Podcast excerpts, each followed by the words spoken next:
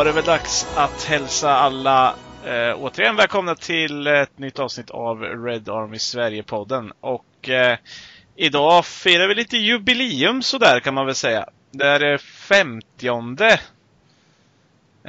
normala avsnittet, om vi kan kalla dem normala. om vi räknar bort våra silly-avsnitt och våra specialavsnitt.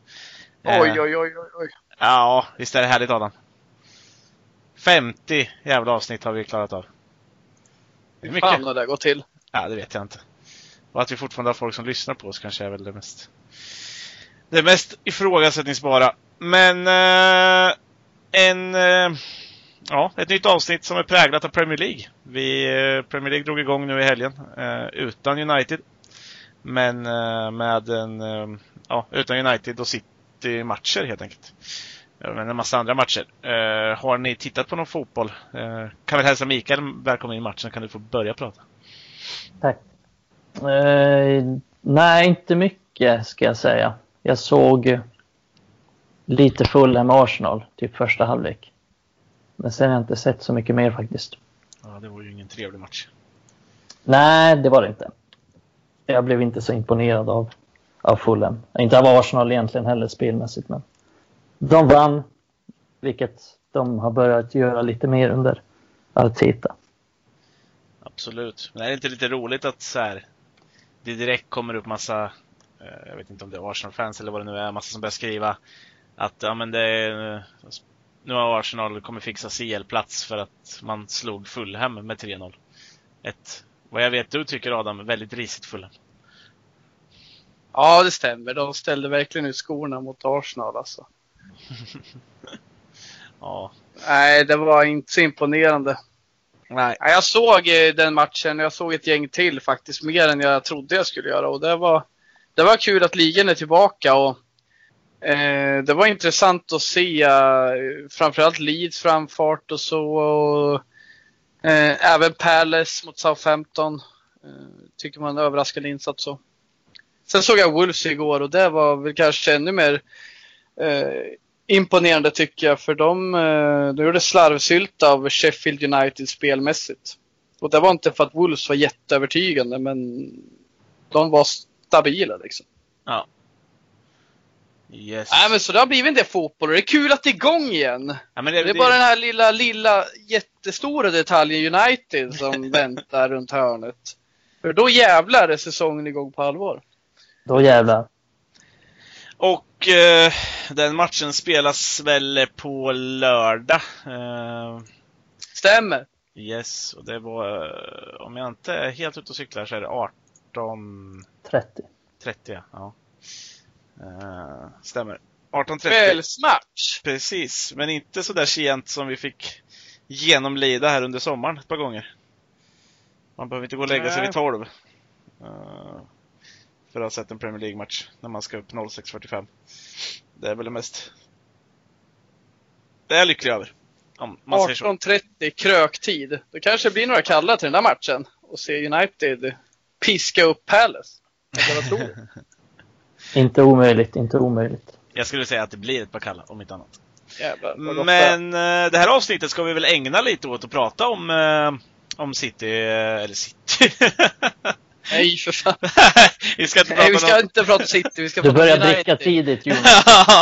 nu, nu jag, jag bytte lag häromdagen. Uh, jag, jag, jag hänger på alla snorungar och håller på de som har mest pengar.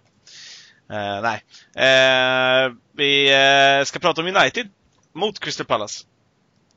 just den matchen som vi inleder serien med och gå in lite djupare kanske på laget och hur man kan tänka sig ställa upp. Och med lite där i beräkning kan man väl ta lite hur det ser ut, liksom i, hur det kan komma att se ut i inledningen här av säsongen. United eh, öppnar ju relativt eh, snällt, eller kan man kalla det så? Eh, man har ju Crystal Palace i första matchen, man skulle haft Burnley innan det också. Sen har man en EFL-match och sen Brighton. Så att vi börjar ju med Crystal Palace, Brighton och sen kommer Tottenham. Vilket också kanske är snällt med tanke på hur riktigt risiga Tottenham såg ut. Ja, men det är en skön inledning på säsongen. Det mm. är det väl. Och Ehm, där man kände en tid förra säsongen, det var ju att de här lite enklare matcherna på pappret, det var ju de jobbigaste för oss. Men, men så ser det ju inte riktigt ut längre. Ehm, och en match mot eh, lågt stående försvar i Palace till exempel, eller Burnley, det, det är ju lite vad vi, vi kan fixa numera med spelare som Bruno och eh, Matic med skulle jag säga på centralt mittfält, när vi har lite mer kontroll. Så det är absolut, jag håller med. Det är, en, det är väl en skön start helt enkelt. Och jag tycker Brighton som du nämnde med, det passar oss väldigt bra. Det är mm. inget lag som kommer backa hem lika mycket som Palace, men, men det är ett lag som vi verkligen kan hota i kontringsspelet. En dimension vi fortfarande har kvar, även fast vi är ett mer bollförande lag. Ja, det är intressant, för det var inte så länge sedan vi mötte just Brighton och inte Crystal Palace heller. Nej. Så det är väl inte så mycket som ändrats sedan dess. Även om jag tror faktiskt att Brighton har blivit lite, lite bättre. Palace tror jag inte har blivit särskilt mycket bättre. Nej, precis. Palace står kvar lite på jorden mm. där de var, skulle jag säga. Men Brighton, de har ju verkligen fått eh, finskruva sin eh, trupp här. Där Potter fått tagit in lite spelare som han tycker passar. Och det var ju inte länge sedan han kom in liksom. Förra säsongen var hans första. Nu har han tagit in lite spelare och han, eh, skulle jag säga, laborerar lite i senaste matchen. Eh, han spela i Premier League, alltså den här omgången som var. Så jag håller med. Det, det är lag som vi känner till lite där i alla fall. Eh, även ja. fast de har bytt ut lite spelare så möter vi ett Brighton med samma spelidé. Och så kommer, det kommer bli en liknande matchbild som tidigare. Ja, jag läste att de var ganska bra mot Chelsea. Ja, det var de faktiskt. Eh, jag såg den matchen och, och, och 3-1 är väl inte... Eh, kan vi inte säga att det talar för... Alltså, spelet talar inte för resultatet, om man säger så. Nej, men jag, jag, nu drar jag bara upp från minnet, men jag tror att de hade mer bollinnehav, skapade ja. fler chanser, hade fler skott på mål och så vidare. Ja, jag tror inte de hade skotten på mål. Jag tror Chelsea vann det. Men de, de, skapade, de hade fler skott. Hade de. Fler avslut mot mål, även om de inte var träffade alla. Nej, jag ska inte svära heller, men jag tyckte i alla fall Brighton var väldigt bra. Eh, och eh, eller, jag imponerades inte så mycket av Chelsea efter deras eh, värvningståg här nu under sommaren. Uh, Havertz såg ju inte bättre ut än någon annan till exempel. Men som sagt, det är inte alla som går in och gör en Bruno Fernandes vändning direkt och är så bra som han var från start. Så vi får se. Svårt att bedöma Chelsea efter en match. Men jag tänker just när vi sa Crystal Palace där, de står ju kvar och, och trampar lite och det är det laget vi ska möta nu och det känns ju inte som att Roy Hodgson är den där tränaren som får ett lag att och utvecklas sådant. Jag tror inte Crystal Palace-fansen kan räkna med att det blir så mycket annat spel än det. Än det de har sett de närmsta åren så länge Roy sitter kvar.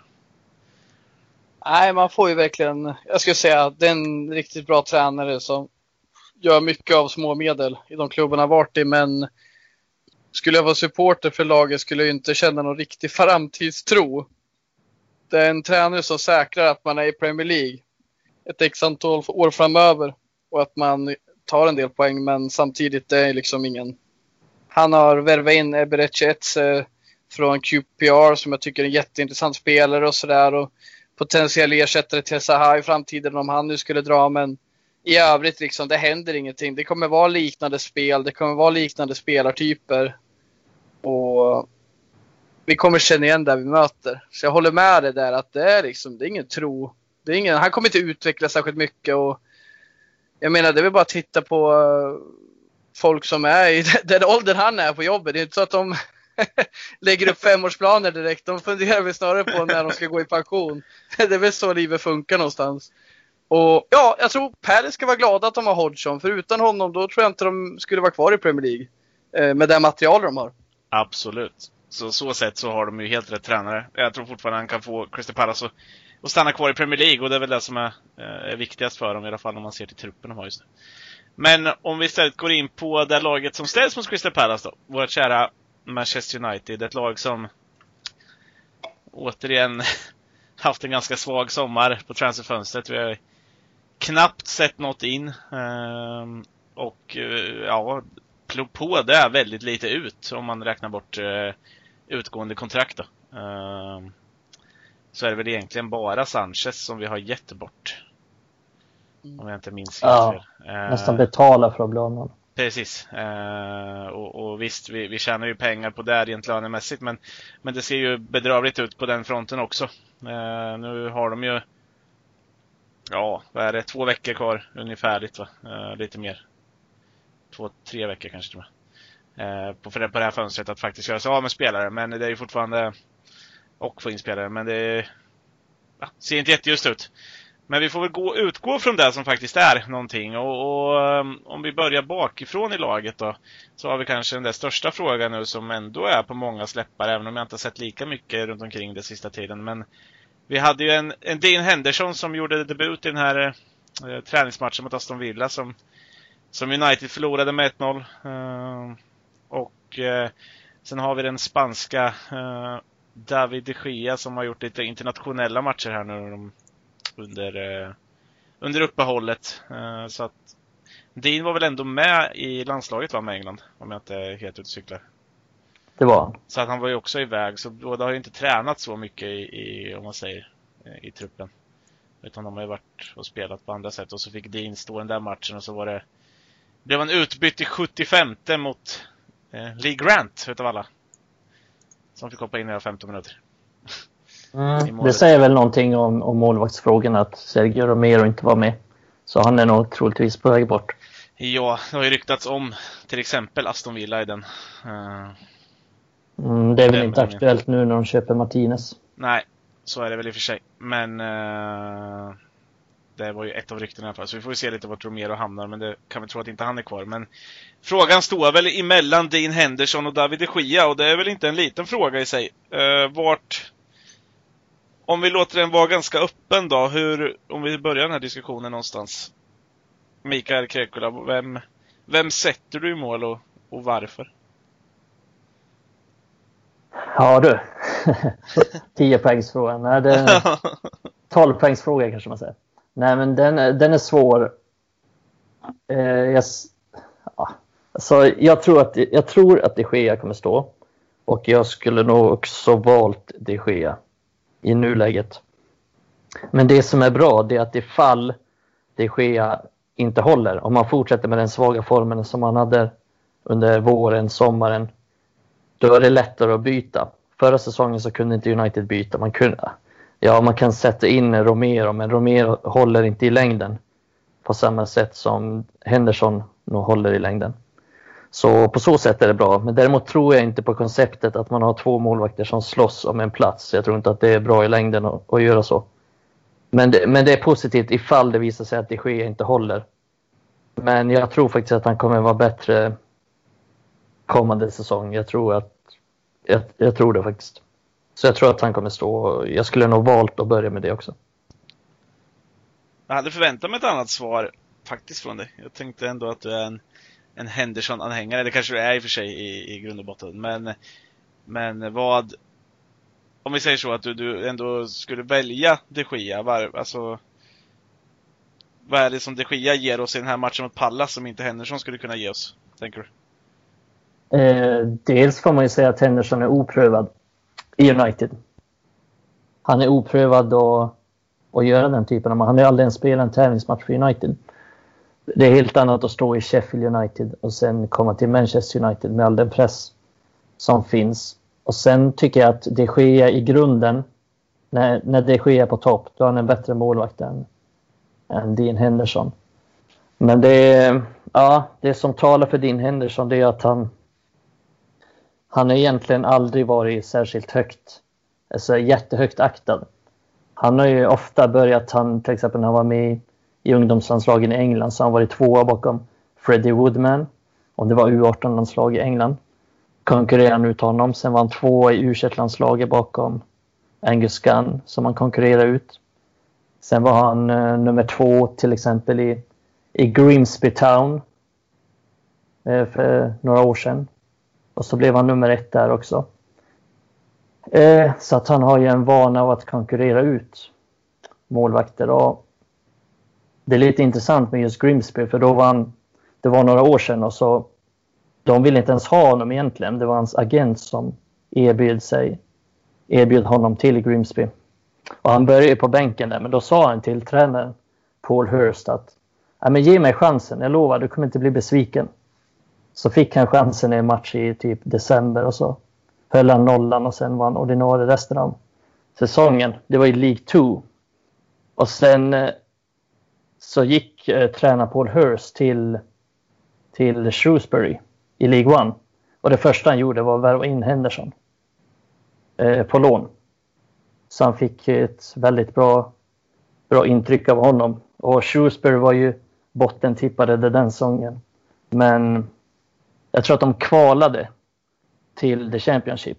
Och de hade en fantastiskt bra defensiv. Och det får man egentligen säga att det har i, i alla Dean Hendersons lag så har det sett ut så. Det är samma sak i Sheffield United egentligen. Det är ju, defensiven har ju verkligen funkat med honom. Och jag vet inte om det är...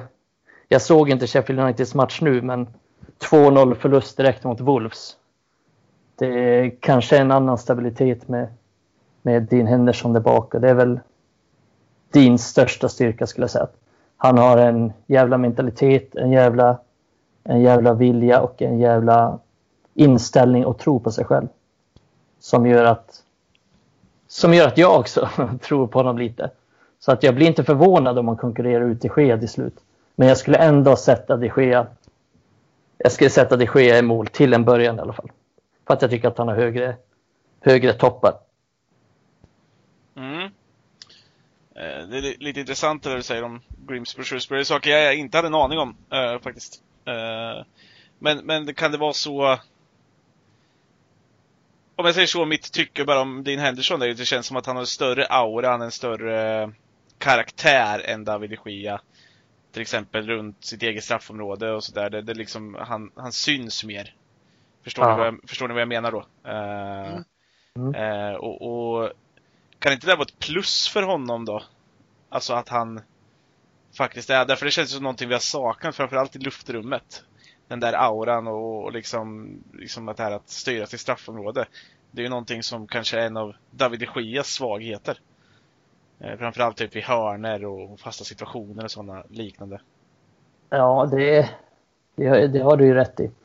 Men eh, jag skulle väl säga att han är, att han är lite bättre än de Gea kanske, men jag, jag har ju sett honom i ganska många år vill jag säga att jag har ganska bra kött på benen. Jag tycker inte att han är, han är inte direkt Peter Schmeichel där själv heller. Jag tror att det är lätt att få en bild så här, när det kommer upp en ny en ung målvakt att han är så mycket bättre på allting. Men jag är inte säker på att han är så jävla mycket bättre än de Gea på det. Och sen har vi ju all rutin som de Gea har. Hans spel på linjen där jag fortfarande tycker att han är lite bättre än Henderson. Och så vidare. Jag, jag ser det som det, det säkraste kortet just nu. Och som sagt, jag ser det inte som... Om vi säger så här, jag tror att det, det är större risk att starta med Henderson. För jag ser det som en större chans att om vi startar med de Gea och så gör de Gea bort sig, ja då slänger vi in Henderson. Men jag tror att det är sämre att göra tvärtom. Förstår ni vad jag menar? Att man startar med Henderson och så gör han bort sig, sen ska de Gea in. Då tror jag att det blir en större osäkerhet i hela klubben och, och runt båda målvakterna faktiskt. Ja, jag förstår vad du menar. Jag förstår vad du menar. vi tar ju in en målvakt som tabbar sig, säger vi han är osäker. Så ska vi ta in en spelare som redan är osäker. Uh, för han är petad och han har en dålig säsong bakom sig. Aha. För det är ingen trygghet för det sker liksom. Det är inte det längre. Nej, jag kan inte hålla med mycket i ditt resonemang. Jag tycker det är väldigt bra sagt att Eh, just vad är rätt eh, sätt att sätta in honom på. Eh, Henderson i det här fallet. Jag kan känna så här.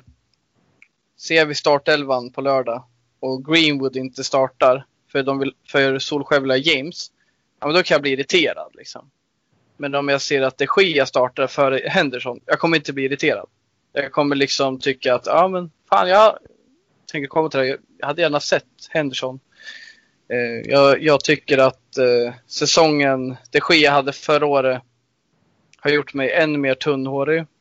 Den har eh, liksom gjort att jag börjar fundera på Hans mentala styrka, vart är han någonstans? Eh, det var jävligt viktigt att få till det här nya kontraktet till slut som gjorde att han tjänar mest i hela ligan någonstans. Som en målvakt i alla fall. Han är världens bäst betalda målvakt. Eh, lever inte upp till det här liksom. Är är en, eh, liksom, en la, labil målvakt idag. Och jag tycker att han har en extremt hög högsta nivå. Men jag är inte säker på att den kommer tillbaka och jag vill någonstans försvara de Geas kompetens för jag håller med dig Mikael. Han är en bättre linjemålvakt än, än Henderson. Han är en bättre målvakt än Henderson. Men jag litar inte på honom längre och jag har blivit så jävla lack på honom för det är någonting där. Sen han signade nya kontraktet, sen han eh, blev stor någonstans. Det har stigan över huvudet. Jag vet inte om han har rätt inställning och jag tror att om vi kör in Henderson nu och det kommer göra att de Gea börjar ta en ny bana i sin värld och fundera på hmm, ska jag lämna den här klubben nu och göra något annat? Eller ska jag spotta mig i näven och vända på den här steken och jobba mig uppåt igen och bli världens bästa målvakt som jag en gång i tiden var? Jag tror inte det kommer ske om vi fortsätter köra han. För idag finns det inga konsekvenser för de Gea. Han kan Nej. vara totalt jävla genomusel och få oss åka ur kupper. Men han får fortsätta spela. För han är så jävla bra, säger Solskär. Någonstans måste det finnas en konsekvens. Och jag ser gärna den komma nu för Henderson har en bra säsong efter sig, eller bakom sig och, och jag tycker han är värd att få starta. Men med det sagt, jag tycker att det sker en bättre målvakt. Det tycker jag. Men jag tror att den, den finns nu. Jag tror att det är det som kan vara bra för att gör det sker bort sig, då kommer han snabbt, väldigt snabbt bli petad tror jag. För då känner Solskjaer, nej men nu, nu är det fan nog. Nu slänger vi in Henderson som är, som är en väldigt stor talang. Och, och Henderson tror ju själv att han är bättre. Och det ska han göra också. Annars har han ju inte United att göra om man inte tror själv att han är. Det är väl lite det som är felet med Romero också. Han tror inte själv på att han är, på att han är en bra målvakt. Han har inga större ambitioner. Men det har ju Henderson. Det finns en ganska kul anekdot som jag läste om, om Henderson. Det var när han var 12-13 år. Han spelade i Carlisle som han var innan han kom till United när han var 14. Fan vilka eh. fina klubbar han har varit i. Ja. jag tänkte precis på samma sak. Grim Grimsby. Ja, men det säger väl någonting om hans karriär. Han, han är inte rädd för att liksom vara i de klubbarna och jobba sig upp på ett gammalt hederligt sätt. Han är inte för fin för att bli utlånad till League 2 liksom. Nej, men de, eh, de förlorade med 15-0 i en match. Och så satt eh, Henderson efter matchen, satt han och grät typ vid målet. Så kom tränaren fram liksom bara, vad fan, varför gråter du? Du är ju, du är överlägset bäst i vårt lag. Så sa han typ något i stil med, ja, men jag borde ha räddat det tionde målet. Alltså jag borde ha använt den andra handen när jag slängde mig. Men jag använde fel hand när jag slängde mig. Så träningen efter så stannade han kvar i typ en timme efteråt och så tränade han bara på den typen av räddning med den typen av hand. Och då var han ändå typ 12-13 år. Så han har ju någon, någon, någon inställning som jag kanske hade kommit långt med i livet om jag hade haft. Men tyvärr har jag aldrig stannat kvar efter en träning någonsin. Han har krav på sig själv, så är det ju. Han har krav ja. på sig själv. Och, och jag det måste bara fråga, släppte han in 10 mål eller vadå? Nej, 15 mål. 15 när han sa att jag borde ha tagit det tionde målet. Han grämde sig efter den. För att han tyckte att han gjorde en tavla på ett av målen. Men sen hade han enligt deras tränare typ räddat tio andra givna mål. För att han var överlägset bäst i deras lag och de förlorade med 15-0. Nej, men så, det finns ju massa sådana stories. Så det kan man ju kolla svart på vitt egentligen. Det är ju, kolla tavlan han gjorde mot Liverpool. Tror ni kommer ihåg den? Han eh, släppte ja. in ett billigt mål mot Wijnaldum. Då höll han nollan i det tre av de fyra, tre av de fyra matcherna efter det. Han hade en samma, samma grej i Sheffield United när de var i The Championship, när de förlorade mot Aston Villa tror jag. Så höll han nollan i sju nästkommande matcherna. Han, hade, han gjorde en stor, en stor tavla mot Aston Villa då. Och det är väl därför Wilder kritiserar honom öppet också efter matchen mot Liverpool. Han fick frågan bara, hur, hur ska du hantera din Henderson nu? Så han, nej, jag tänker inte göra någonting. Han, det är för dåligt av honom och det vet han om. Och det var många som reagerade bara, ganska hårt att säga så öppet. Men så höll han nollan då i som sagt tre av de fyra nästkommande matcherna. Så Chris Wilder känner ju honom och vet hur han kan hantera honom. Och vet att han har höga krav på sig själv och att han inte behöver gulla med honom. Så det säger väl också någonting om, om Henderson. Mm, och att Paul Hurst som han hade då i Grimsby och Shrewsbury. Eh, jag läste en, en annan anekdot. Han sa att Eh, varje gång vi, vi tränade någonting eller hade någon tävling så var Henderson alltid med. Typ, jag tror att de hade en så här spänst tävling. Så eh, tydligen så krossade Henderson alla i, i spänsttävlingen, alltså alla mittbackar, alla anfallare i, i deras lag och han sa att det var ingen av dem som hade en chans mot honom. Så att han, han, ville, han ville vara med i alla den sortens typer av tävlingar även fast den tävlingen inte gällde målvakterna. Liksom. Det var ingen annan målvakt som var med i den, det var bara han. Så eh, han har den tävlingsinstinkten och den mentaliteten som jag aldrig har sett hos någon annan spelare och, målvakt. Och, och det är liksom det är tio olika tränare som vittnar om samma saker och berättar anekdoter om, om alla saker han gjort. Så att på så sätt, jag är inte så, jag är inte så orolig för hans mentalitet att han inte kommer klara av pressen. Men jag är lite orolig att han att det Gea helt enkelt är en skickligare målvakt. Men vi får se. Vi får se. Som sagt, fortsätter de Gea med sina tabbar och finns inget annat val. Och jag tror ju att Henderson kommer vara en bra målvakt om han får chansen. Jag tror att han kommer få spela ligacupmatchen som är mot Reading eller Luton Town. Va? Och jag tror att han kommer vara bra. Jag tror att han kommer vara bra överlag i United. Men å andra sidan, de Gea med allt han har gjort för United och hur höga toppar han har haft. Det är, det är jävligt få målvakter någonsin i den här världen som kommer upp i den nivån. Så det är, det är ändå det, är det vi har att förvänta oss. Det är det, för, vi, det är det vi förväntar oss i United.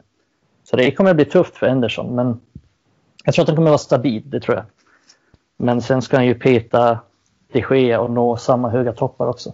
Jag tänker, alltså, nu kan vi spela in dig lite mer Adam här, men jag, jag har ett tankesätt när du, du, pratar om allt det här, han har spelat i defensiva lag säger du, alltså Shrewsbury som, som kanske tippades mm. åka ur, Sheffield United också ett sånt, det är ett defensivt lag där mm. han troligtvis kommer få mota ganska mycket skott. Nu kommer han till Manchester United som, som, som ska styra matcher, eh, kanske inte släpper till lika mycket, det kan bli längre stunder av, av eh, icke-närvaro, förstår du vad jag menar?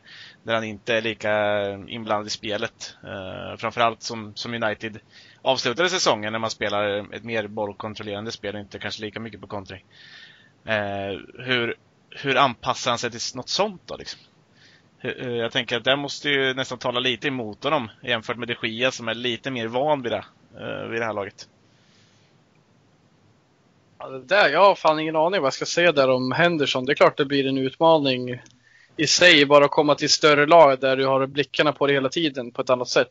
Eh, det har varit en ganska eh, smidig vardag för honom att vara i nederlagstippade lag. För även fast eh, Sheffield United gick upp i Premier League så var de aldrig riktigt tippade att göra det. Liksom. Det är samma när de var i Premier League så var de inte tippade att kämpa om Europa League-platser.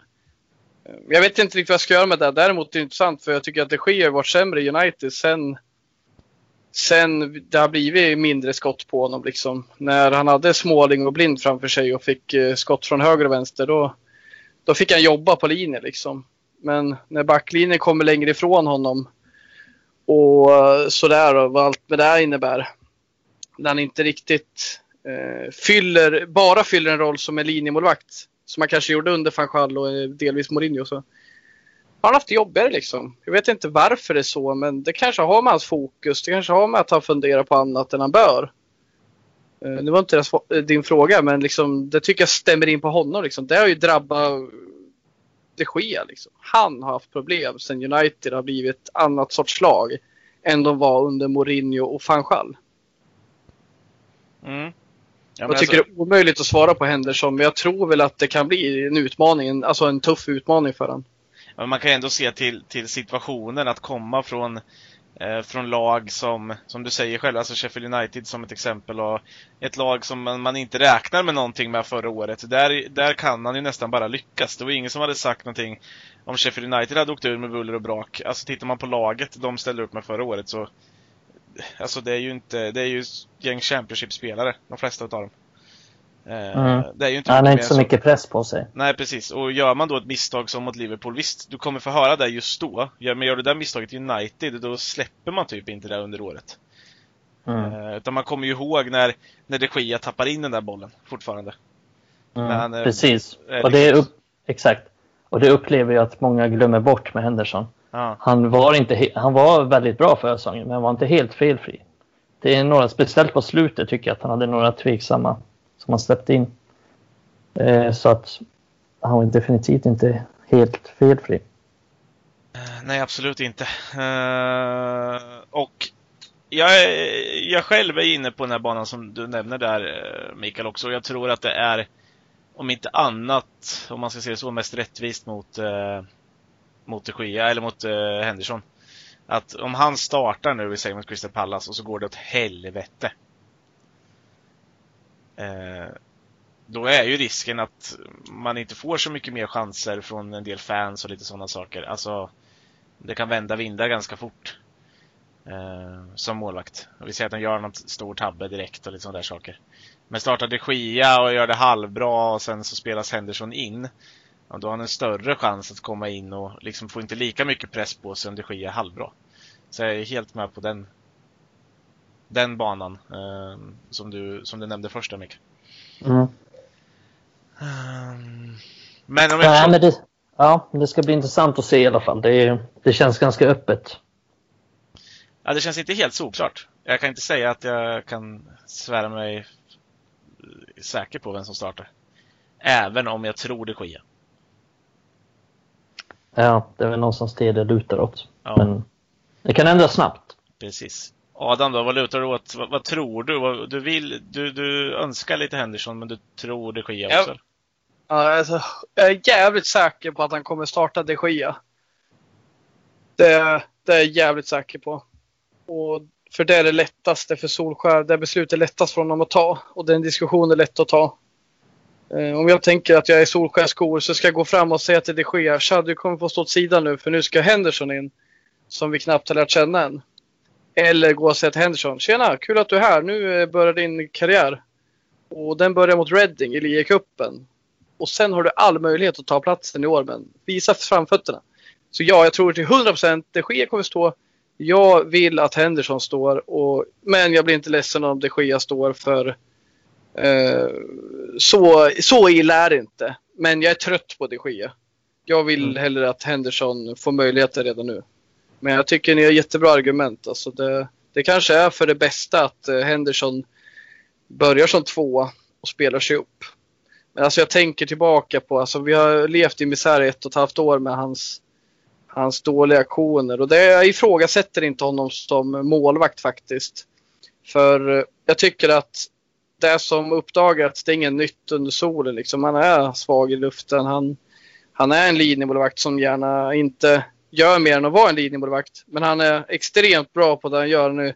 Har ju varit världens bästa målvakt i vissa år. Men, eh, men alltså det, vissa grejer han har gjort nu under de senaste ett och ett halvt åren. Det, det är så jävla dåligt så jag ifrågasätter ju hans mentala styrka, vart han är, liksom, var han står och vad han vill egentligen. Jag tycker Ja. inte det känns som att det riktigt svider i honom som jag hade sett. Så här, jag vill inte vara så här ytlig på något sätt och mena på att det är så det ska gå till. Men inte fan hade jag varit ledsen om jag såg att det verkligen att han låg kvar en kvart efter en match när han har skickat ut oss ur kuppen mot Chelsea liksom. Och mådde piss för att han har fuckat upp för hela jävla laget. För så här är det. Jag hade inte krävt det av Henderson. Men det sker. Jag går tillbaka till hans löneanspråk, hans status, hans mental, vart han, vart han står liksom. Jag kräver extremt mycket av honom. Och det skulle väl kännas bra någonstans. Kanske låter skevt, jag vet inte, men det får stå. Det skulle kännas bra att jag syntes att det var jobbigt för han, den här situationen. Och jag tror att när han blir petad och det här kommer upp till ytan att fan det sker kanske en föredetting. När han får höra det, det inte förstår då jag tror att han eh, fattar att han måste ta en annan väg. För jag köper det du säger Mikael, att ja, han kanske ser det redan nu att Henderson får nytt kontrakt och han är på gång.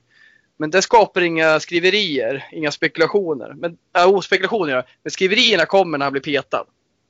Och då, Mm. då är det jobbigt för honom. Så jag, jag tror det är det han behöver. Så där tror jag är min win-win. Starta med Henderson, få det ske och tänka om. För jag är med på det. Jag vill inte säga att han är borta. Så någonstans. Jag, jag, vill, jag, jag tror på honom, hans kvaliteter. Eh, tekniskt. Men inte mentalt. Han funderar på fel saker nu. Ja, ja, Jag vet inte vad det är, om det är munkar från Tesco eller vad fan det är. Om det är Real Madrid. Alltså jag, någonstans tänker jag på att han vill någon annanstans. Jag vet inte varför. Det är som att det är inte lika kul att vara här längre. En jävla Ja. pissig analys såklart. Men nu Ja. talar jag med hjärtat, inte med hjärnan. Jag vill Ja, se någon som brinner och därför blir jag tårögd när jag hör allt Henderson säger. Bara att se hur han är i Sheffield United och hur mycket han omfamnar klubben han är och representerar. Vilken fin jävla människa det är. Vilken jävla Ja. polare det där är. Alltså. Ja, han är ju mer, definitivt mer passionerad och, och utagerande. Om vi säger, du nämnde en intressant sak med, med de Gea och kanske så här, ligga kvar och, på planen och sörja och kanske sparka sönder en stolpe. Men det är väl kanske inte den människan han är riktigt. Han, det, jag får känslan att han håller det mer inom sig. Han är inte en sån som skäller ut folk till höger och vänster. Eh, Men det är, det är lite intressant. Jag skulle inte heller bli ledsen om, om det är så att det är en Henderson startar. Det är inte så att, bara, att jag skulle börja skrika. Vad fan håller han på med? Jag, jag köper det helt rakt av. Men det är det här jag tror är bäst för United just nu. Och det är att det sker startar och sen funkar det inte. Ja, då kan man byta ut honom. På så sätt tror jag att det gör minst skada. Japp. Eh, men då får vi väl fastslå någonstans, eh, eller avsluta diskussionen där, eh, tänker jag, eh, just rörande målvakterna. Eh, det är bara en position i laget och vi ska försöka ta oss igenom resten också innan, innan vår tid rinner ut. Så att jag tänker att vi rör oss vidare till nästa steg i laget och eh, det blir väl eh, backlinjen.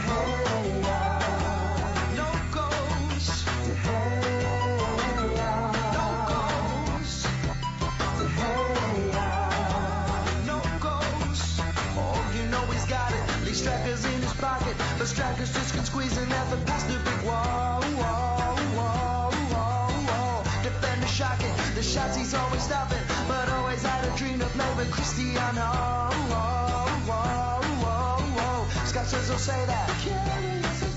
But mistakes, but mistakes, but mistakes, but mistakes, but mistakes. Cause European goals. So why, oh, why, oh, why, oh, why, oh, why, oh, are you still in denial when you know he's not happy here? Ja, och backlinjen var det ja. Jag tänker väl att vi, vi försöker rulla igenom det här laget lite som vi tror kanske att vi kan ställa upp mot Palace. Eh, lite vad vi, ja, hur det ser ut i truppen också.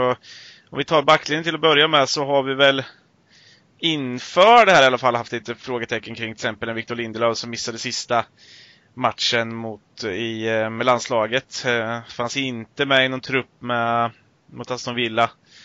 Eh, och, men eh, ska vara tillbaka fullt i träning och verkar inte vara några konstigheter, rapporteras vara tillgänglig. Eh, Axel Tuansebe eh, sa vi ju för några dagar sedan här att, eh, eller sa Ole för några dagar sedan, att eh, han, han troligtvis har en två veckor kvar sedan han är tillbaka även om han tränar.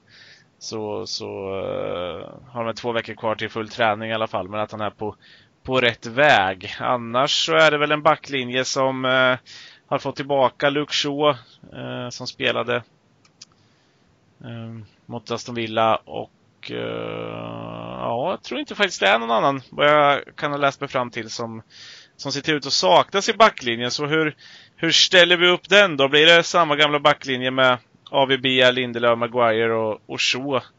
Är det den vi gissar på eller? Ja, det tror jag. Jag tror att det blir samma gamla backlinjen, att det inte blir några konstigheter. Men eh, det som är lite intressant är att eh, TD Mengi spelade inte med U23-laget i måndags. Vilket kanske indikerar på att han kan ha någon slags bänkplats eller tänker man få en startplats? Nej, men så det, det är väl... Annars tror jag inte det blir några konstigheter, men kan nog bli så att Menge är med på bänken faktiskt. Nu när det är lite si och så med vilka mittbackar som kommer vara kvar och sådär. Alltså Ja. nu när jag tänker efter. eh, Jones är ju tillbaka i träning liksom när vi snackar mittbackar. Det är väl egentligen den enda jag tycker är någonstans realistisk att ha på bänken utöver Mengi. För Rojo och Småling Eh, de är ju på väg bort vad man har hört och det låter i alla fall inte som att de är i Solskärs tankar nu. Såklart Bajy skulle kunna vara någon med Ja. då. Mm. Men det det låter väl inte omöjligt med- med Mengi. Nej, och lite det med att Lindelöf har varit lite si och så inte varit med i någon match Mm. på försäsongen nu mot Villa och sen missade även Sveriges match. Så att, kan vara någonting där, jag vet inte. Det hade ju varit riktigt kul. Det är ju en spelare man verkligen vill se spela mer Ja. och tror på. Liksom. Samtidigt så startar han ju den träningsmatchen med Fosumensa som mittback. Mm.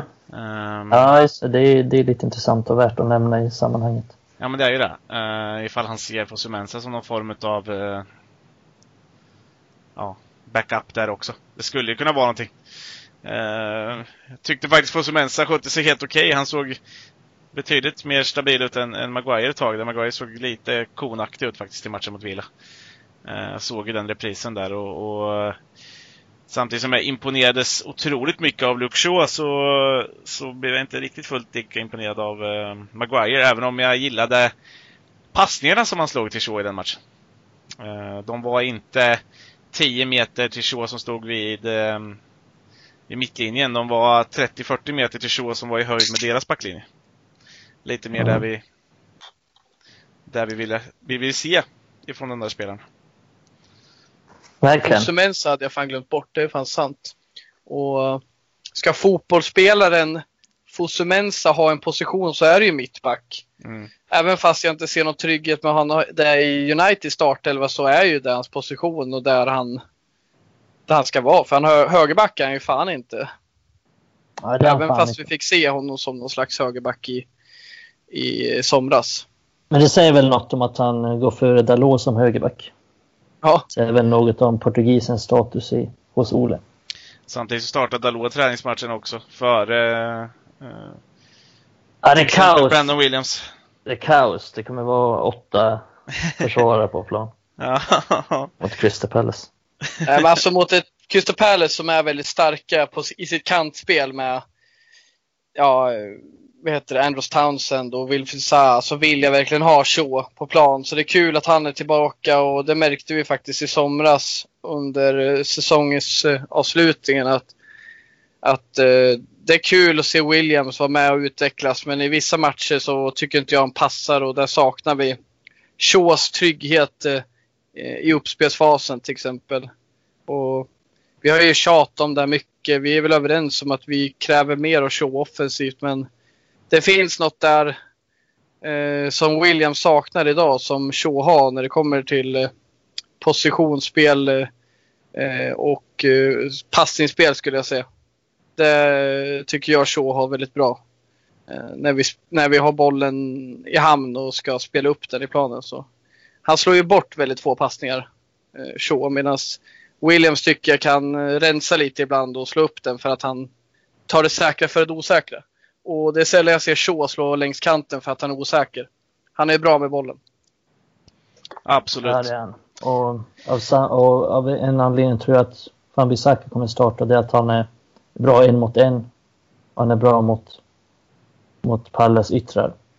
Så jag tror att han kommer starta mycket därför också. Ja, och att det kanske inte finns något uttalat annat alternativ förutom, alltså, vi har inte sett, det spekuleras ju att Williams ska över och konkurrera där. Nu spelade han, hoppade han in istället för Dalot som högerback i träningsmatchen där då, men men eh, jag har svårt att se att man väljer Dalot. Det känns ju inte som... Det ryktas även om att det bråkas lite där att eh, Olle vill inte släppa iväg Dalot, men Dalot vill lämna och lite sådana där små saker. Eh, det vore ju ja, komiskt då att man faktiskt startar Dalot i en sån här match. Eh, svårt att se det hända. Utan det känns ju som att det blir den där backlinjen då med ett litet flagg för att Lindelöf har missat kanske lite för mycket för att spela från start. Eller spela överhuvudtaget. Mm. Mm. Eh, Ja, men en fyrbackslinje blir det. Trebackslinje kommer han ju inte krångla till med den här matchen. Nej, det är inte fan. riktigt läge för det. Men jag tror vi kommer se den framöver i någon mån. Och... Nej, men jag håller med er. Det blir nog den här fyrbackslinjen. Och det är ju... AVB har ju varit i någon slags karantän. eh, Eller någon slags. Han har varit i karantän efter Ja. sin, sin fylleresa i Dubai. och, eh, jag vet inte. Det, han kommer nog spela, men... Eh, Är han tillgänglig så spelar han. Dalot har ingen plats i laget längre. Jag tror den här mot Villa, det var nog typ en sista chans för att se liksom eh, vad jag läste. Jag läste en artikel från The Athletic och de har väl en bild av han som att problemet med honom det är väl brist på eh, ambition, vilja och liksom mental styrka hos honom. Det är inte att han Ja. nödvändigtvis, vilket jag i och för sig tycker, är att han är svag kvalitetsmässigt. Men det är, man vill se mer av honom. Man vill se att han tar utmaningar bättre än han gör idag. Och med de korten på bordet och man vet att han har mycket utvecklat eh, kv- eh, med sina tekniska kvaliteter. Ja, men då är han långt borta liksom. Han är körd. Ja, Olle verkar inte gilla honom. Jag läste också den artikeln och det är väl främst att han, han tycker inte att han är aggressiv nog. Varken i försvarsspelet eller i, i anfallsspelet. Att han vill ha aggressiva ytterbackar. Ja. Så det är makes sense. Japp. Det tycker jag. Men det kan vi fastslå den backlinjen på något sätt. Eh, och framåt i plan då? Mittfältet. Eh, kanske en, en svårare nöt att knäcka i och för sig så. Vi har ju en eh, Paul Pogba som har haft eh, konstaterat eh, Corona. Men är tillbaka i, eh, i träning. Så att han måste väl ha blivit friad från det också då. Eh, lite oklarheter kring Matic som inte verkar ha gjort någonting. Han var inte, han, han har ju slutat i landslaget, det vet vi ju. Eh, han har, var inte med mot Aston Villa, så jag vet inte riktigt vart han var där någonstans. Eh, samma gäller väl egentligen eh, Fred, där han har inte heller gjort något landslagsframträdande och, och var inte heller med mot Aston Villa. Eh, Han har inte varit och gift sig i år. Nej, Nej, inte det här året. nej. Kanske Jag tänkte om det var tredje gången gilt så här. Den här höjden av osäkerhet på äktenskap. Ja, exakt. Vi förnyar löftena varje år. ja, Kanske kommer fram snart. Ja. Ja, eller hur. Eh, Utan mot Villa där då startar ju Scott McTominay, Donny van de Beek och eh, framför dem spelade faktiskt Marcus Rashford till som start. Ehm, Med lite förbehåll att de faktiskt skiftade runt rätt mycket han och Lingard så att ibland var Lingard där inne också. Och härjade runt. Mm. Men där får man väl ändå säga att den här platsen, om man, man man får nästan anta att jag tror att Ole kommer spela något liknande spel som han gjorde i slutet här nu. Någon 4-2-3-1 eller vad man kan kalla det. Ehm, och och då, då blir väl 10-rollen där kan väl inte bli någon annan än Bruno Fernandes. Ehm, kan vi väl, den kan vi nästan slå fast. Den kan vi slå fast. Sen är Precis. frågan hur vi ställer upp det andra då. Men Matic som känns ehm, som att han inte varit del, delaktig i så mycket fotboll överhuvudtaget. Inte fått någon chans till att spela igång sig. Och det vet vi ju efter vårt samtal med Bojan Djordjic att det är en spelare som eh, behöver spela för att, att vara bra. Mm. Ja, det är jättesvårt att säga status på alla spelare nu eftersom Mm. det har blivit en så konstig försäsong och man vet så himla lite om allting. Det vi vet är att Matic tränar, Fred tränar, så man får anta Stämmer. att de är, de är liksom fit for fight. Sen om de är redo att starta en Premier League-match, jag vet inte fan. Det tror jag ändå få i United där. om det ska vara det optimala. Men eh, så med det sagt så tror jag inte att Fred startar då. Men jag skulle inte heller bli förvånad om han gjorde det. För vi har ju en del alternativ på mittfältet och Pogba har varit borta med Corona. Så vi vet att Pogba är lite osäker i start eftersom han har tränat lite mindre än alla andra. Eh, så det är ju det gör ju någonting att van der Beek känns ganska han känns, ganska, gi- han känns ganska given. Alltså framförallt efter Oles ord efter matchen. Han hyllade ju van de Beek ganska eh, kraftigt. Jag tror inte att han är given, men jag tror att han har bra chans att starta faktiskt. Men jag tror, jag skulle inte säga att han är given. Jag skulle inte bli förvånad alls om han inte startar. Jag, jag nog lite förvånad om man inte startar faktiskt med tanke på det här. Men ja, det, ja. Men samtidigt, så här, Dalot startar mot Villa. Jag vet inte om vi behöver göra så mycket av det. Nej, jag skulle jag inte tänker bli just, förvånad om han startar, men jag tycker väl kanske inte det. Uh, vi snackade förut vad händer sig. Jag vet inte om det är rätt start för han. Alltså, ja, hans roll, vet vi ens vad den blir liksom? Jag tycker, Nej. men, Äh, så, alltså. Hoppas att han vet själv i alla fall. ja, men, men, men lyssnar, man, lyssnar man lite till vad, vad folk pratar om honom och allting sånt där så känns det som den rollen som Pogba har annars är en roll som han gärna gillar, box to box.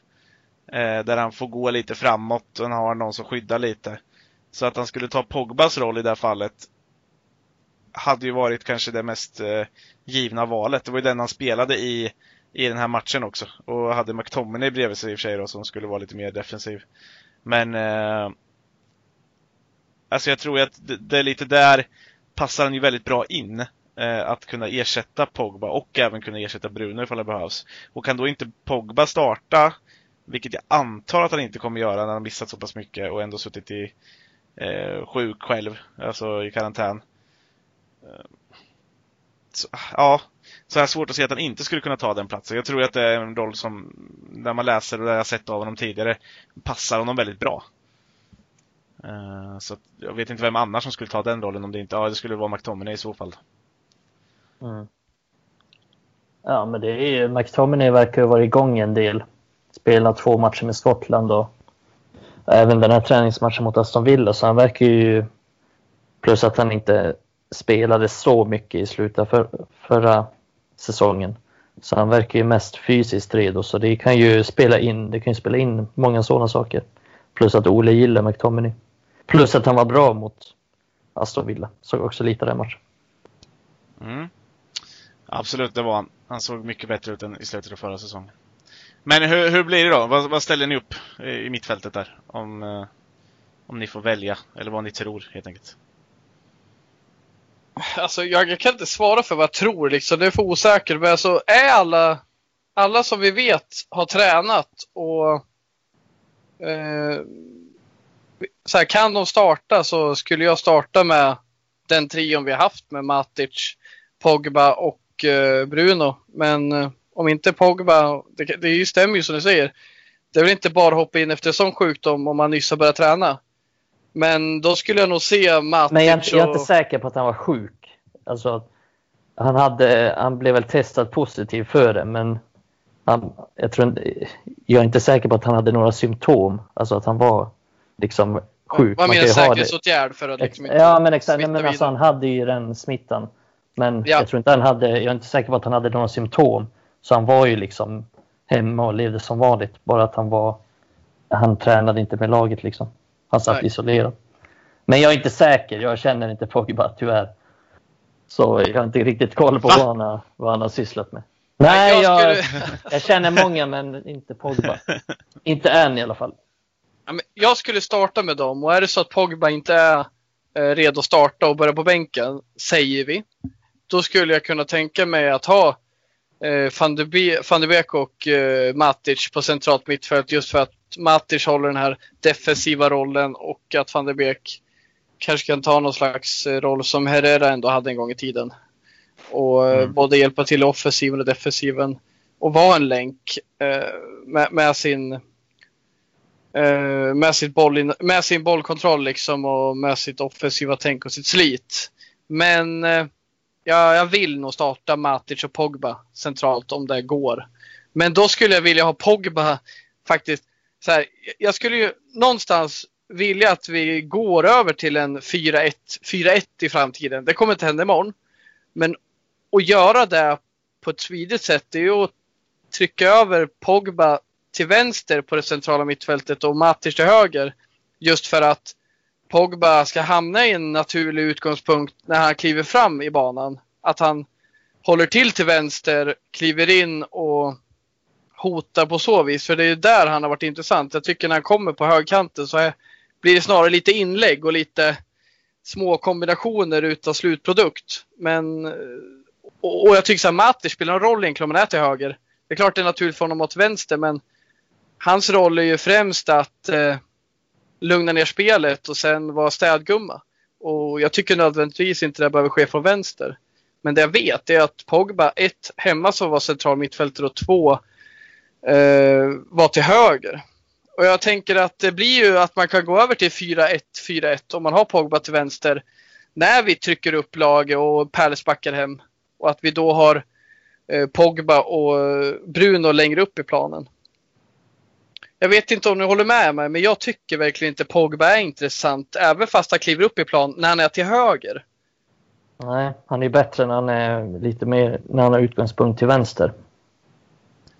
Absolut. Och han, det, var väl, det var ju där han slog igenom när han var någonstans i Juventus där. Han spelade någon form av vänster i någon diamant där. Eh, och, och, och kom upp i planen på vänstersidan och det är väl där han har varit som bäst när han har varit bra. Mm, verkligen. Eh, Så att det, det, det, det är klart, där, där håller jag med dig fullt. Det går ju inte att säga emot någonting annat. Att det, det borde inte spela någon roll för Matic att spela till höger heller. Eh, nej, jag tror att han kan hantera och slå en, en högerpassning till Fambisaka om det behövs. Och även att han var jävligt bra när Solskär kom in och tog över eh, efter Mourinho. När han var med Herrera och Matic centralt och han var till vänster. Tyckte han var jävligt bra då liksom. Och då känns det som han kom in mer i straffområdet också när han gör ett idag. Men han har ju en defensiv roll och kör vi 4-2-3-1 och kör som vi gjort i våras så det funkar men vi kan bättre tycker jag. Och det känns ju skönt för vi gjorde det väldigt bra. Men då har vi vår, eh, en av våra bästa spelare i en position som man inte eh, gör den äran som han kan göra i en annan position. Absolut. Men det vore eh, intressant att se om han vågade trixa till Solskär. kan vi sluta oss någonstans runt att vi vill helst se våran eh, trio? För där är jag med er också. Jag ser helst eh, Matic, Pogba, Bruno. Eh, för att få någon stabilitet i alla fall i första matchen. Eh, även om jag själv tror att det skulle kunna bli en, en Matic, van de Beek, Bruno. Det är bara en Mm. känsla jag har. Mm. Nej, jag, jag håller med om det. Yes. Och då har vi väl den där trion där framme. Eh, och att jag har svårt att se att det blir något annat än Rashford och Martial. Martial som gjorde en väldigt lyckad andra match i Frankrike. Eh, eh och ja, fixade straff mot Sverige också för den delen. Eh, det var Lindelöf som, som kapade dem där. Eh, och, och Rashford, ja, visst han backade ur från landslaget men som vi sa, det var mer en försiktighetsåtgärd. Han var tillbaka, han spelar eh, större delen av matchen mot eh, eller 75 minuter mot Aston Villa, eh, så han fick lite matchning där också eh, innan faktiskt Antoni Langa ersatte honom, vilket var kul. Svensken. Mm. så de två känns väl klara. Sen är det väl den här frågan kring Mason Greenwood då. Eh, han har ju varit lite i blåsvädret här nu och, och ja, vi har ju sett honom bli petad från Daniel James tidigare och nu fick vi se Jesse Lingard spela ute till höger också mot Villa, även om jag inte kanske tar för mycket på det så. Vad tror vi om, om Greenwood startar han? Uh, eh, alltså, jag tycker han utan tvivel ska starta. Eh, men jag ser väl kanske att ska, jag, jag har någon slags farhåga att Solskjaer kommer vilja hantera ett slags beskyddande genom att sätta honom på bänken eller sätta honom åt sidan ett tag för att det varit mycket. Men jag tror inte, som jag förstår Greenwood med hans inställning, så tror jag inte det är så han vill hantera situationen. Han vill snarare visa vad, vad han kan göra på planen för att tysta alla. Eh, men, men jag ser ju någonting där. Jag ser att det kan hända. Men jag skulle bli jätteirriterad för det skulle innebära dels att jag inte får se Greenwood och dels att vi tar in typ James som inte alls skulle passa mot Palace. Eh, Även fast han gjorde mål sist vi mötte Palace men då var han till vänster och där kommer han verkligen inte få spela. Så jag vill se Greenwood men jag skulle någonstans kunna se att Solskär nu ska hantera den här lustgasincidenten på något diffust sätt. Det var väl lustgas han tog och där man snackade om det är helt bisarrt liksom att den ska bli en grej av. Är det inte det? Ja, men jag Ja. tror inte att det har blivit en jättestor grej internt heller. Nej, det hoppas jag, fan inte. Nej men, nej, men det tror jag inte. Så jag tror ju att Greenwood kommer starta. Och jag tror, tror faktiskt absolut inte att James startar. Jag tror att Lingard till och med går före än James. Det säger min magkänsla just nu. Eh, nej, så jag tror att Greenwood kommer starta, men jag skulle inte ta gift på det så att säga. Jag skulle inte ta lustgas på det. Eh, Alltså, men men det, är, det är väl det mest rimliga. Liksom. Det, det är Crystal Palace hemma. Vi måste gå framåt. Vi måste vinna den matchen. Vi kan inte ha... Det är ingen match, du sa det Adam, det är ingen match som passar Daniel James. Och eh, vi har ingen riktig... Det är inte så att vi kan slänga in Sancho istället. För då tror jag att Greenwood kanske hade börjat på bänken. Ja, då hade jag varit säker på det. Ja, men Alltså, han, han, är, han är ju opetbar i det här laget egentligen. Ja, egentligen. Absolut. Eh, Framförallt efter hans avslutning så ska han inte kunna petas. Men samtidigt så det är väl hans ålder och fortfarande i bristande rutin då, som skulle kunna och de här händelserna som skulle... Jag, jag, jag, jag, jag har också en dålig känsla, jag vet inte som du beskriver. Det är någonting liksom, det är ju, här är ju också inte prata med huvudet utan prata med hjärtat. Att eh, det, det, någonting i magen säger mig att vi faktiskt kanske inte får se Greenwood på lördag. Inte från start i alla fall. Ben går in från start då. Ja men där är jag också inne på det. Jag var lite så här, jag, jag vet inte, jag, jag kändes lite som Lingard. Jag tycker Lingard presterade rätt väl mot Aston Villa. Det var inget fel på honom i den matchen. Han är ju fortfarande extremt uddlös när han kommer runt straffområdet, men det är ju Daniel James också. Ja, men alltså så att Daniel James, han är ju ingen spelare att ha mot Palace, men det är fan inte Lingard heller. Nej. Det är fan ännu sämre att ha Lingard i den här matchen. Han är så jävla uddlös mot lag som backar hem. Ja, Och han har inte varit bra överlag ens. Alltså jag skulle verkligen gråta om jag såg Lingard i den här matchen. Det finns ingen spelare som gömmer sig så mycket i en sån här match som han gör. För även om James inte räcker till riktigt nu och att han har fan kvar att jobba. Han kanske behöver bli utlånad egentligen. För att eh, i den här konkurrensen. Men han gör ju någonting. Det syns, det händer någonting och det känns som han hotar på något. Jag vet inte om Lingard ens kommer hota på något sätt. Eller ens bidra på något sätt om han är med i matchen. För även fast James kanske bara springer i intet så springer han i alla fall. Jag vet inte om Lingard gör det längre. Jag tycker bara han gömmer sig och tar dumma beslut. Han blir irriterad tänker på Lingard alltså. Även fast jag vet att det har varit mycket problem runt honom. Han har haft eh, privata grejer.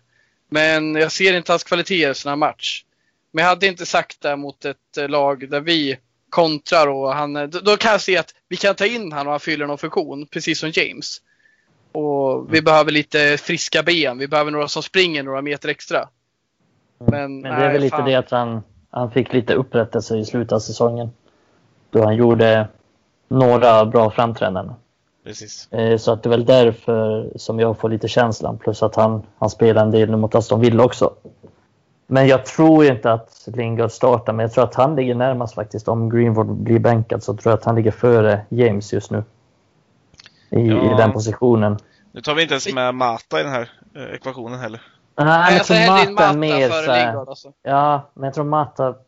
Jag kan ha fel, men jag tror Mata är mer aktuell för en av mittfältsrollerna i så fall. Ja, I det här spelsystemet. möjligt. Men alltså missar jag något? Vilka matcher var Lingard bra i? För jag vet att han gjorde mål mot Leicester. Men det hade fan Dalot med gjort. Med tanke på Schmeichels hanterande av... Ja, men det. Ja, Jag måste ha missat något här, för inte fan har han gjort bra ifrån sig i slutet av förra säsongen. Jo, Eh, men eh, inte bra bra, men alltså mycket bättre än, än innan. För nu producerade han ju faktiskt. Han producerade mål mot Leicester, sen gjorde han mål mot Slask också va? Ja, Eh, ja, det, det, förväntar jag mig att Dalot också ska kunna göra. Men jag, ja. det gjorde till och med Pereira.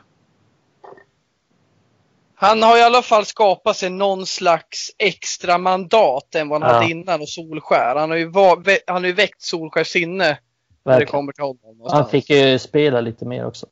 Det är ingen slump tror jag att han, att han fick komma in då mot Leicester. Det är, kollar vi till de tidigare matcherna då, då hade han inte ens fått komma in.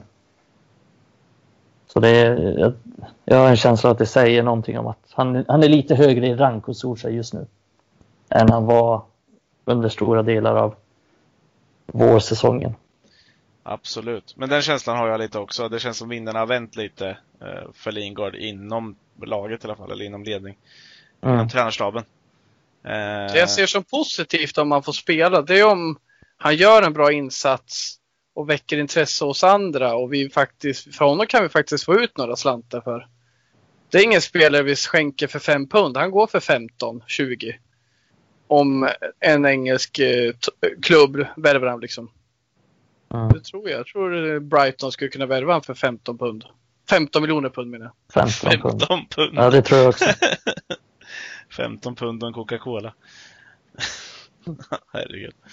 Eh, ja, nej men eh, det är ju svårt. Men alltså vi, någonstans så får vi sluta i att vi, vi, vi ändå hoppas på Greenwood.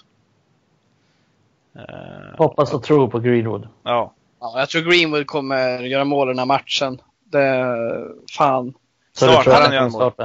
Ja, men han har ju blivit en viktig spelare liksom. Det känns som att spelar inte han, nej, men då tappar vi en dimension i vårt spel. Och han är ju alltid ett hot. Vi har snackat om det, hans när han skjuter så är det farligt. Och det är spelare som andra förlitar sig på med och det är kul att länka med honom för man får bollen i rätt läge och man vet att han kan bidra med något. Och det tror inte jag man känner med James och man kanske eh, vänder hem igen med bollen istället för sluten till honom eh, i ett halvläge. Mm, Mm. Nej, enig. precis. Eh, där får vi väl avrunda liksom snacket om, om laget. Eh, Adam, vår kära lagguru, eller eh, vad ska man säga? Mm, ja, du är... Jag vet inte vart jag vill komma med det här. Lagguru var ju ett otroligt fint ord när jag menar att du är väldigt bra på att eh, scouta lag. Eh, och ha lite koll på dem. Men vad, vad, vad, förväntar vi oss se att möta? Vad, vad, vad kan vi förvänta oss i den här matchen överhuvudtaget? Vad bjuder Crystal Palace upp på? Nej, men som jag nämnde förut så kommer vi möta dels liknande lag eh, i det Palace vi mötte förra säsongen och även ett, eh, en liknande matchbild. Vi kommer ha ett lag som backar hem. Vi kommer ha hårda fighter centralt där den en gång givne Luka Milovejovic, eller Vilovojevic kanske han heter, eh, numera är petad. Han är ju känd för han, han gör ju inte mycket bra egentligen, men han gör ju mycket straffmål och frisparksmål. Men numera är han ju inte på plan och det är väl säkert också något mentalt där för då tar de in den, den grisiga gäng, eh, McCarthy från Irland och kör honom och MacArthur. Så det kommer bli hårda smällar där. Bröderna kommer vara- McCarter. Jajamän, det är bröderna Cartwright där. Nya bröderna Cartwright. Men, men det, liksom, det kommer vara det kommer vara ett lag som backar hem och slår långt och det kommer vara kant eh, eh, prioriterat med Zaha och eh, vad heter det, Townsend då. Och jag tycker väl att eh, jag tycker väl att eh, sådana här matcher har vi det tufft i. Men jag tror vi har lärt oss lite läxan och när vi mötte dem under andra delen av säsongen när vi mötte dem på Sellers Park så såg det bättre ut än det gjorde på Trafford när vi förlorade. Och jag tror vi kommer kunna hantera de här bra. Och det som är till vår fördel är ju att det råder en slags skadekris i eh, Crystal Palace i deras försvar. Spelare som Sakho, Cahill, Tompkins, Van Aanholt är borta. Vilket gör till exempel att de eh, väljer att sätta den unge Tyrook Mitchell som i och för sig inte var dålig alls mot Southampton senast. Han var jättebra men det är en orutinerad spelare som eh, Greenwood kommer få ställa frågor till på kanten. Men även att de har Sheikh och Kouyaté som mittback. Och det kan vi utnyttja och det här är liksom, det, vi, ska, vi ska verkligen kunna vinna mot de här och vi har ett bra läge nu när de har mycket skador. Men så här är deras bästa spelare. Det är ingen nytt under solen, det är ingen, ingenting vi behöver gå djupare i. Men jag tror att i en sån här bra, bra match är det bra att ha Fan, fan, eh, Fabisaka som högerback. För även fast vi kräver mer från honom offensivt så kommer han nog säkerställa att Zaha eh, vill vara på en annan kant än till vänster. För det gör han bra, Fambisaka, en mot en som Mikael nämnde innan. Det här är en match som eh, numera inte känns lika lökig som förra säsongen för vi klarar att hantera sådana här lag. Men det gäller ju att hålla tätt defensivt och jag tror att eh, väljer de att placera Ayew längst, längst uppe som en jävligt underskattad spelare när det kommer till att vara target. Eh, var deras bästa målskytt förra säsongen. Så känner jag att det är så här liksom, det kan bli lite nyckeln för oss att hantera deras uppspel. Där de placerade honom nära Lindelöf som vi vet är svagare i luften än Maguire. Och sedan gå vidare till kontringsspel och nyttja Townsend och Zaha. Så jag känner att eh, hantera deras uppspel, det är det vi behöver göra. Men framförallt fixa offensiven och knäcka deras försvar. Och som sagt, skadedrabbat, det ska vi kunna lösa. Ja, det är lite intressant att vi förlorade den matchen förra säsongen. Hemmamatchen. Det ska vi inte behöva göra nu. Tycker jag. Eh, jag känner mig ändå ganska säker inför den. Det känns, det känns ganska bra, det känns ganska stabilt. Mycket stabilare än den matchen förra säsongen. Och eh, nej, jag tror och hoppas på att det blir en ganska säker seger faktiskt. Jag är lite inne på samma sak. Det känns, jag är inte så orolig inför den eh, matchen. Eh, ser inte så mycket de kan hota med. Det är klart att Zaha kan, kan göra sitt och att det kanske smakar lite bättre att göra mål mot, eh, mot United. Men eh, ja, om man tittar på den matchen som gick åt helvete förra året. Ja, Det är ju ett eh, supermisstag, eller ett ganska billigt insläppt mål av de Gia och ett supermisstag av Lindelöf. Mm. Det är där de gör mål på. Eh, så att kan vi hålla oss borta från sådana små saker så... Och då får man titta, i den matchen hade vi inte heller Bruno Fernandes. Nej, vi hade en jättesvag start. det är inte där. Pogba heller va? Nej, jag tror inte det. Nej. Och nej, jag, tror- jag är nästan, eh, lite ironiskt nog, så är jag nästan mer orolig för deras offensiv. Jag tror att vi kommer göra mål på dem här. Och minst ett, tror jag. Så att jag är nästan mer orolig för, för deras offensiv, att vi lyckas fucka upp någonting där likt förra säsongen. Med de Geas tavla då, och Lindelöfs tavla. Och, Eh, de har ju, vad heter han, uh, Baciu som från Chelsea på lån också, som man kan slänga in. Baciu. Batshuayi. Batshuayi. Det var också trevligt. Pogba, Pogba spelade förra matchen, och, alltså, men det var överlag klent lag. James Lingard var våra offensiva behållningar. Liksom, och det är ju inte vad vi... Mm. Eh, Det räcker ju inte, men Pogba, det är som jag, jag nämnde i någon podd nyligen att jag tyckte väl Pogba och McTominay skötte bra förra säsongen mot Chelsea, men när vi möter lag där, där de, du sa det Mikael, det låter egentligen ologiskt, men, men mot ett lag som Palace där vi trycker upp laget och det blir längre mellan mittfält och backlinjen, då blir ju Pogba sårba, sårbarare. Särskilt då när han inte har Matic bredvid sig och McTominay.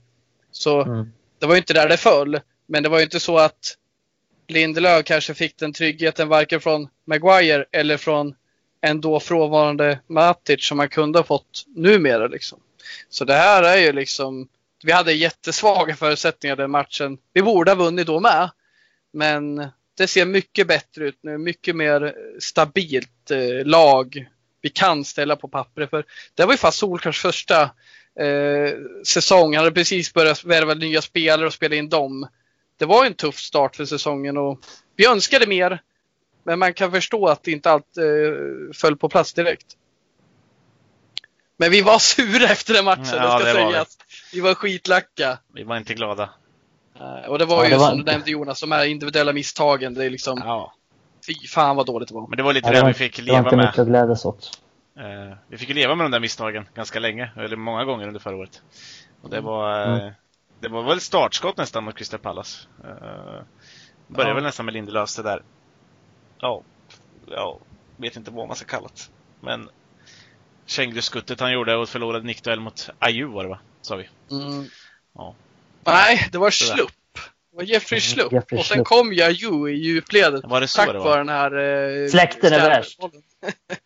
Jeffrey Schlupp uh, provspelade med United för några år sedan. Fan vad diffus han är. Han är vänsterback och vänsterytter. Han är snabb. Kanan. Har vunnit Premier League. Han har många historier bakom sig. Ja, det har han.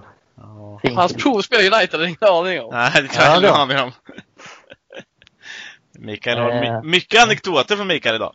Det måste vi säga. Ja, det älskar vi fan. Det här är rolig info. Det är det. Mer sånt. Precis. Alltid mer sånt.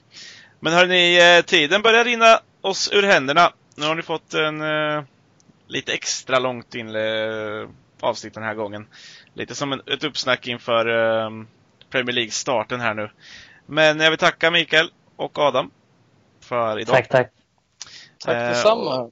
Och som vanligt så eh, glöm inte att följa oss eh, på alla våra sociala medier. Vi sätter igång med, med Facebook ordentligt här nu eh, till helgen. Eh, och, eh, Innan helgen. Innan helgen. Det kanske, laddar upp med lite previews och fredagskrönika och det kommer rehabrummet. Precis. Det kommer om U-lagen. Och det kommer Allt. en matchfakta också. Så ni har den bästa inför denna fest. Denna lördagsfest med några kalla öl, eller hur? Exakt. Eh, och ni kommer även hinna lys- lyssna på den här eh, podden om ni vill. Eh, ganska lagom till den här matchen kan jag tycka. Kan väl inte finnas en bättre uppladdning överhuvudtaget. Eh, nej, men som sagt, glöm inte det. Glöm inte att följa oss på och gilla oss på Spotify och eh, prenumerera på podden på alla de här kanalerna. Så tackar vi för idag. Bye bye.